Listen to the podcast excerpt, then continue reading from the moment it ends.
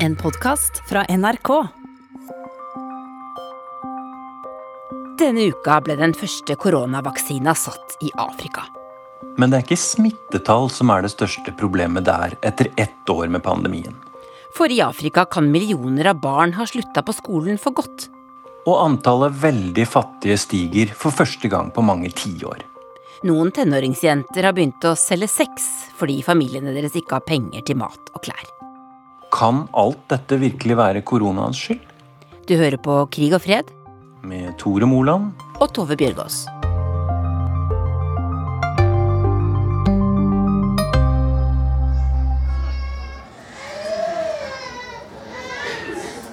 Jeg må si jeg ble temmelig overrasket, da jeg kom til Malawi.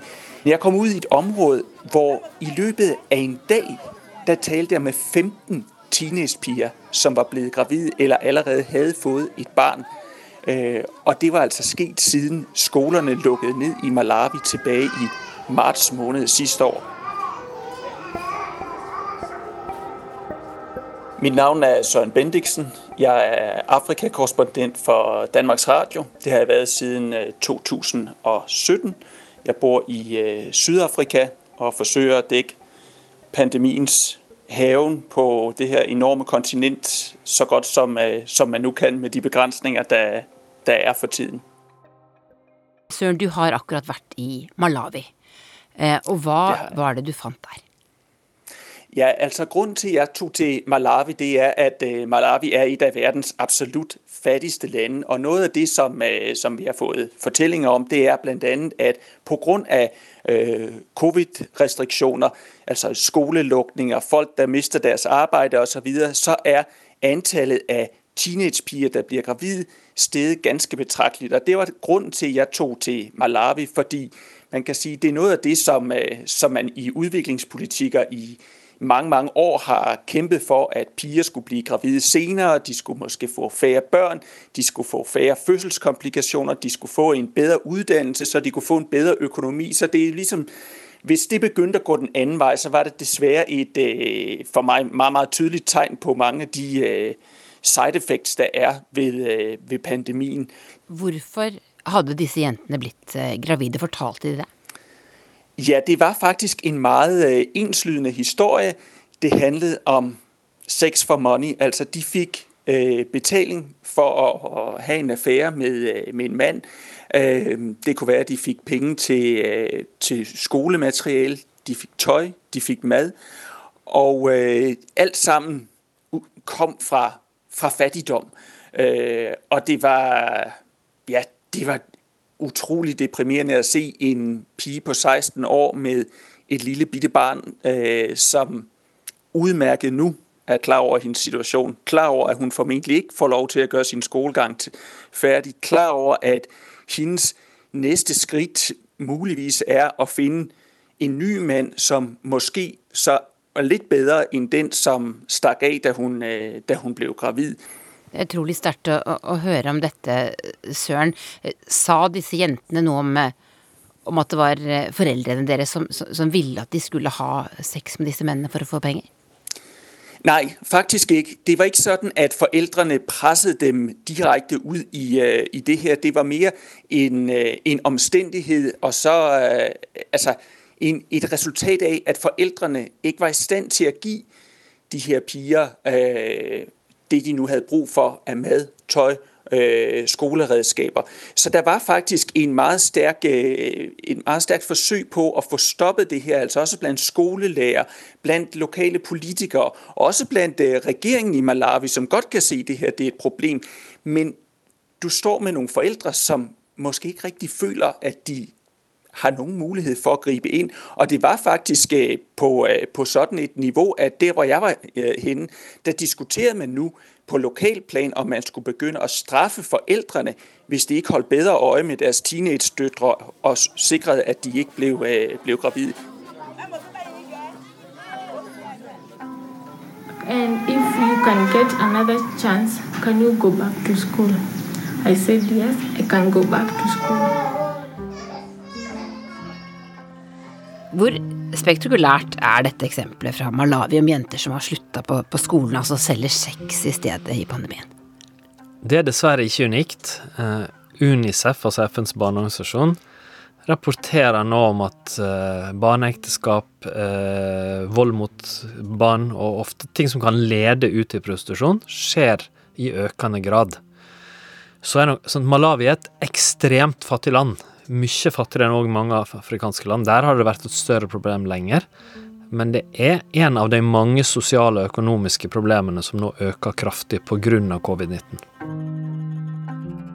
Bård Vegar Solhjell, eh, direktør i Norad.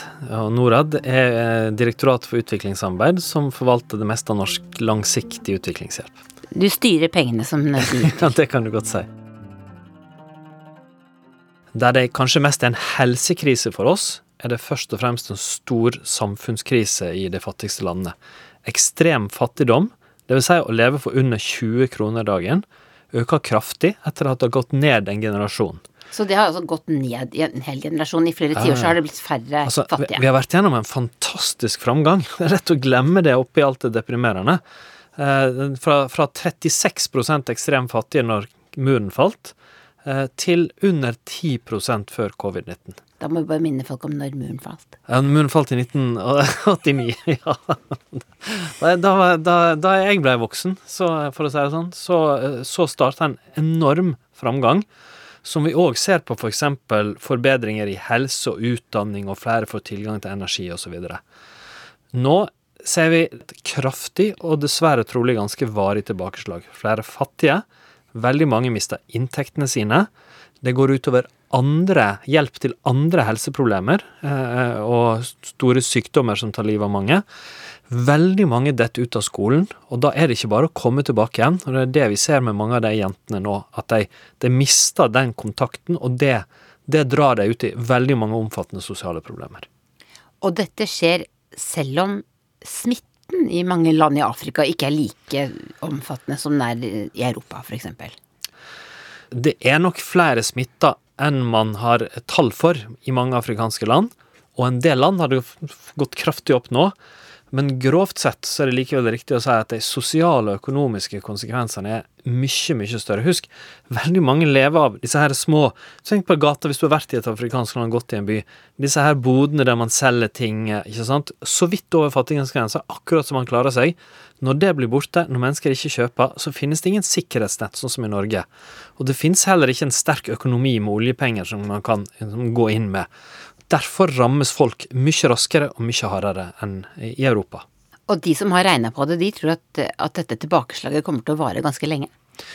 Ja, eh, alle tall vi får nå fra Verdensbanken og FN og tunge internasjonale institusjoner, tyder på mange år med tilbakegang. Og det er jo punkt én, fordi selv om vi kan bli vaksinert i løpet av 2021 her i Norge, så vil mange fattige land ikke få i nærheten av den tilgangen på vaksine. Så det vil gå senere. Dessuten så vil den økonomiske gjenoppbygginga ta mye lengre tid, fordi økonomiene er svakere, og òg investeringer fra vestlige selskaper har stoppa helt opp nå. I Kenya landa det første flyet med vaksiner på onsdag denne uka. Vaksiner fra AstraZeneca.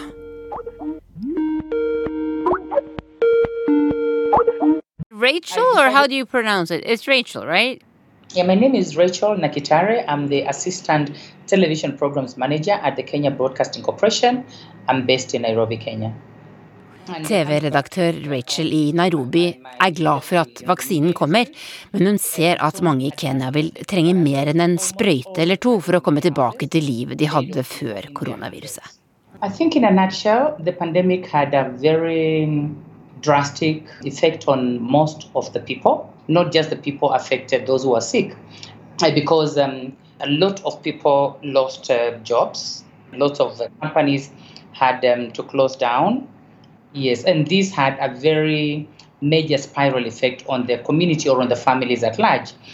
Rachel forteller at noen journaliststudenter hun er lærer for, har sluttet på studiene for lengst og har flytta hjem til familiene sine på landsbygda. Like for example, we are working on a mentorship program with some young or upcoming journalists from public universities. And um, soon after the onset of the pandemic, the participation of the students just went down. And um, when we went to um, research to find out why they were not participating, one is that um, a lot of them, their parents had been laid off, so they were forced to either go back to the rural areas. Uh, of course, when they're in the rural areas, um, they have challenges with even issues of internet connectivity.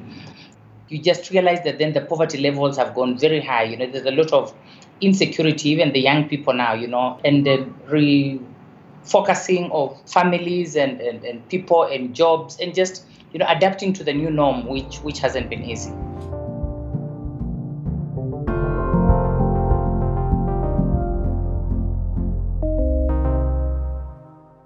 En annen ting som, som har, uh, har, skjedd, er jo at veldig mange mister jobbene sine i, i mange land. Men det er jo også veldig mange i f.eks. Afrika eh, som jobber i et annet land enn mm. der de kommer fra. Eh, og hva skjer da med, med de pengene som, som, de pleier å sende hjem? Altså Det er et viktig spørsmål. Først så finnes det mange arbeidsplasser. Mange jobber i den uformelle økonomien, sitter på gata i, i landbruk osv. Turistindustrien stopper opp, den typen ting. Men veldig mange er òg avhengig av penger som migranter fra andre land, det kan være fra Sør-Afrika i regionen, men òg i, i eh, vestlige land, sender tilbake igjen. Det er faktisk sånn at summen av alt det som folk som har eh, innvandra til Norge og andre land, sender hjem, er mer enn det næringslivet samla sett investerer, og mye mer enn bistanden. Det har jo òg gått ned, sant? fordi mange i f.eks. vestlige land eller i Sør-Afrika har fått mindre penger. Og Dermed er det mange familier som òg mister det som kanskje har vært en viktig del av levebrødet deres.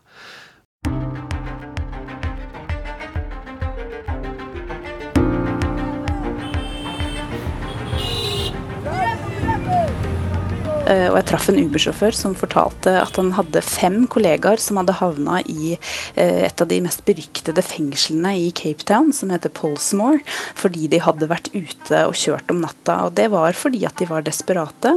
De trenger å, å tjene penger til familiene sine. Jeg heter Ida Titlestad Dalbakk, og jeg er Afrika-korrespondent for NRK. Og jeg er basert i Cape Town i Sør-Afrika. Ida, du bor jo i Sør-Afrika.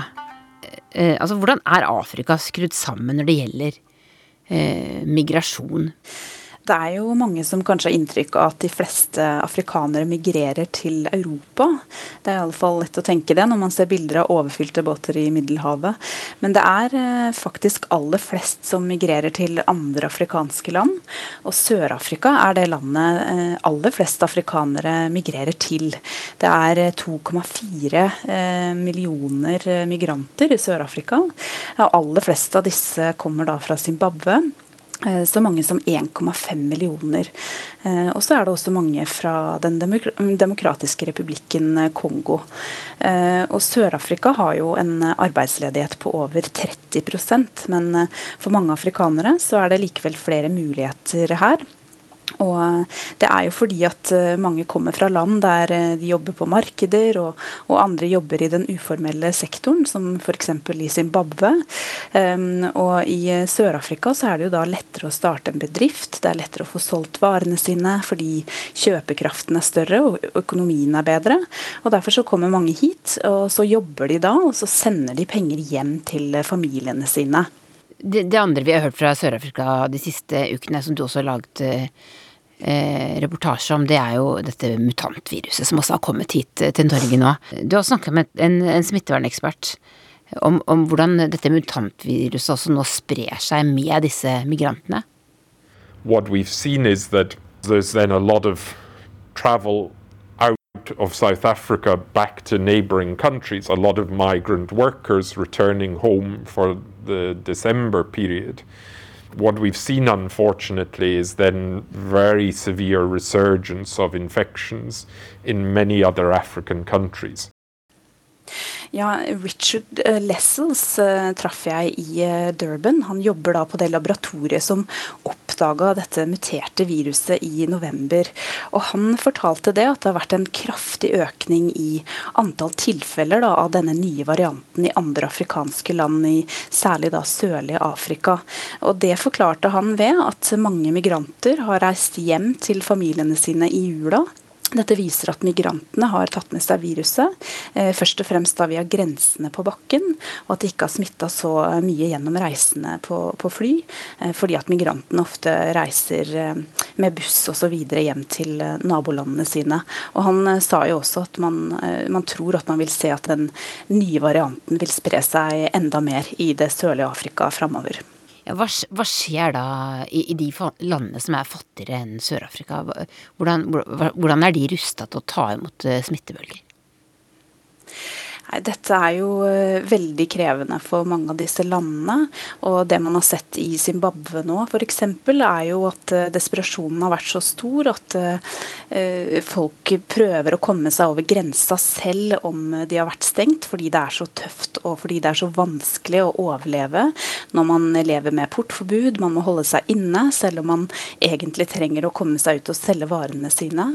Um, og jeg har hørt om folk som prøver å svømme over eh, elver. altså Det er en grenseovergang eh, eh mot Zimbabwe hvor man prøver å svømme over om natta.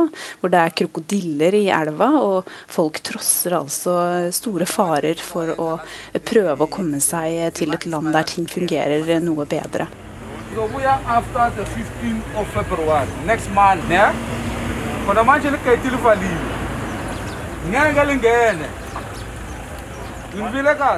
Det man har sett på grensa til Sør-Afrika, er jo at det har vært 20 eh, km lange køer av eh, alt fra liksom mødre med barn til gamle og, og, unge som har vært desperate etter å komme seg inn i Sør-Afrika fordi man har innført eh, portforbud og det har vært vanskelig i nabolandene.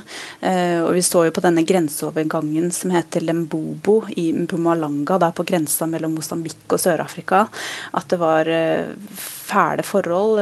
Ingen brukte maske, ingen holdt avstand, toalett resultatene så forferdelige ut, og man klarte ikke å teste nok. Og, og likevel så sto folk her flere dager i kø da, for å komme seg over. Og så på et tidspunkt så stengte man grensene fordi at det var såpass kaotisk. Um, så det har vært uh, dramatiske tider på, på grenseovergangene både til Mosambik og til Zimbabwe da, uh, i de siste månedene som har gått.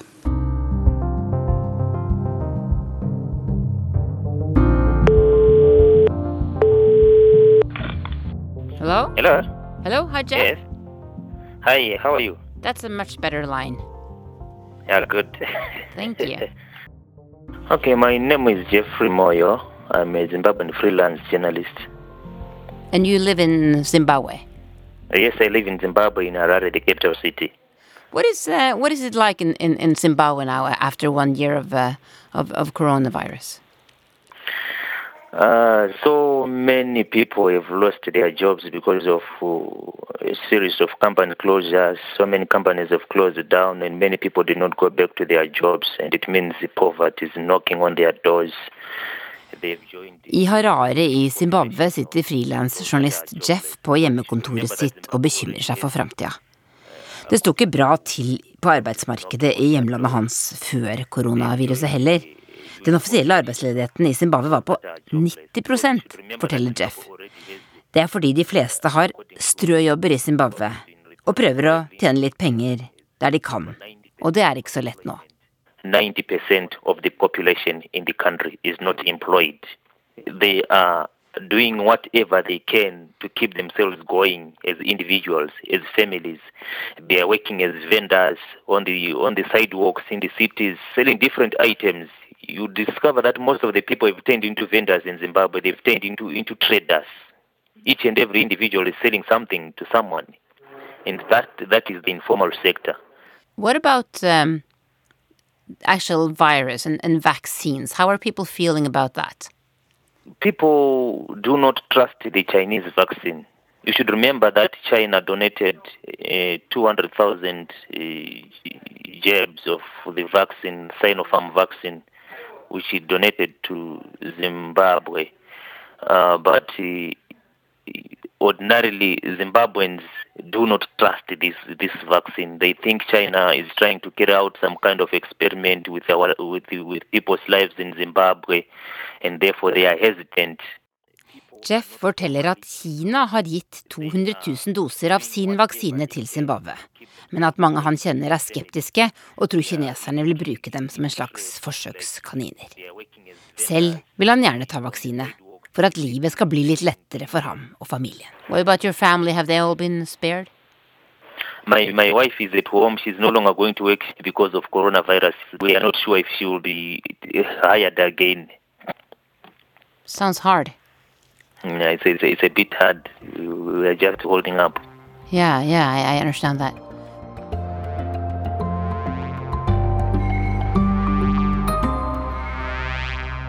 Bård Vegar Solhjell, det ganske, høres ganske trist og håpløst ut, mye av det som eh, vi har hørt så langt. Du sitter jo på en stor pengesekk. Hva, hva, hva, hva kan Norge og andre land gjøre med, med de problemene som, som, fattige land får av, av pandemien? Først må vi sørge for at alle får tilgang til vaksiner. Det er viktig for fattige land, men det er òg viktig for oss sjøl. Ellers så vil den utryggheten ligge der fortsatt.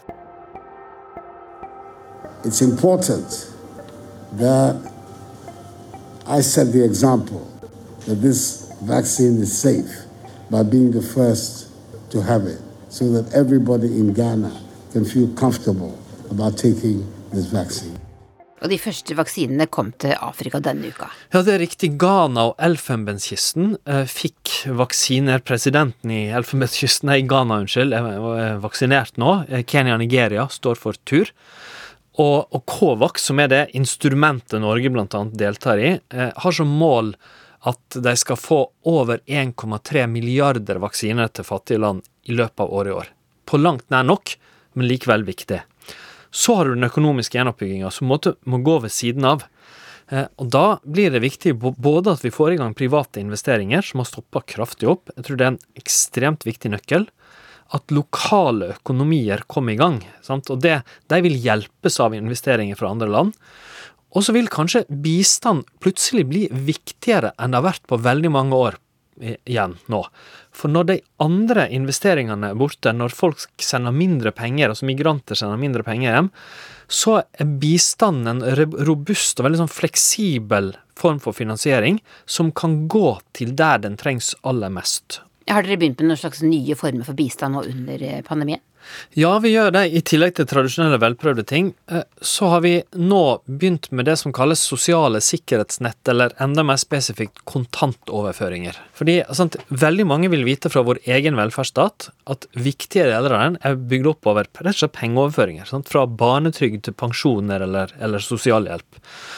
Og eh, for et par tiår siden, eh, i Brasil eh, under president Lula, så prøvde de ut et storstilt program der man ga penger til mennesker over hele landet mot helt sånne enkle krav som at barna skulle gå på skole. Program som ble kalt Bolsa Familia. Det var en stor suksess. En slags sosialhjelp? Egentlig. Ja, det kan du godt kalle det. Sånn, sånn basic, sosial, basic income, på en måte. Sånn eh, av Ganske lite beløp.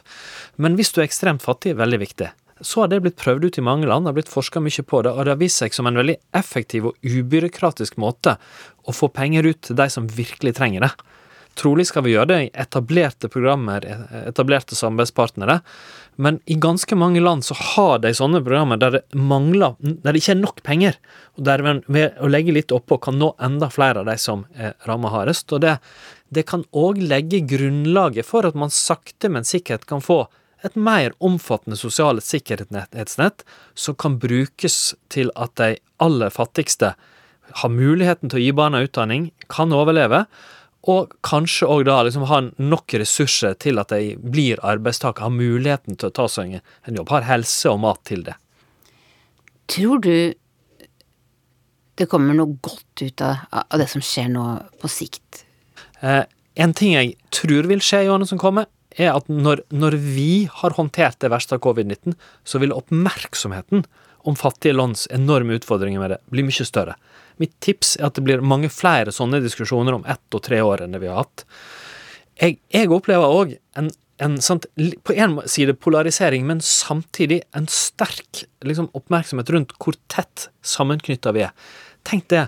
Et, et, et, virus som trolig starta på et sånn ulovlig dyremarked i en by i Kina ingen av oss omtrent hadde hørt om, litt over et år siden, ble i løpet av måneder det aller viktigste for omtrent alle mennesker i verden.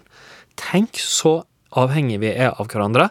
Og det ser vi òg nå i å rulle ut løsningen.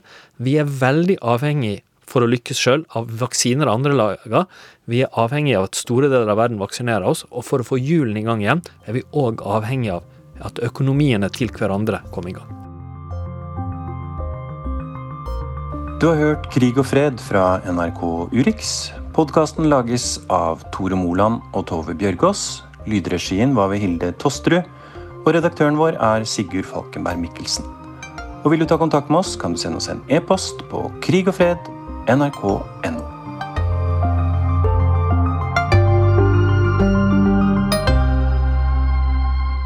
Du har hørt en podkast fra NRK. Hør flere podkaster og din NRK-kanal i appen NRK Radio.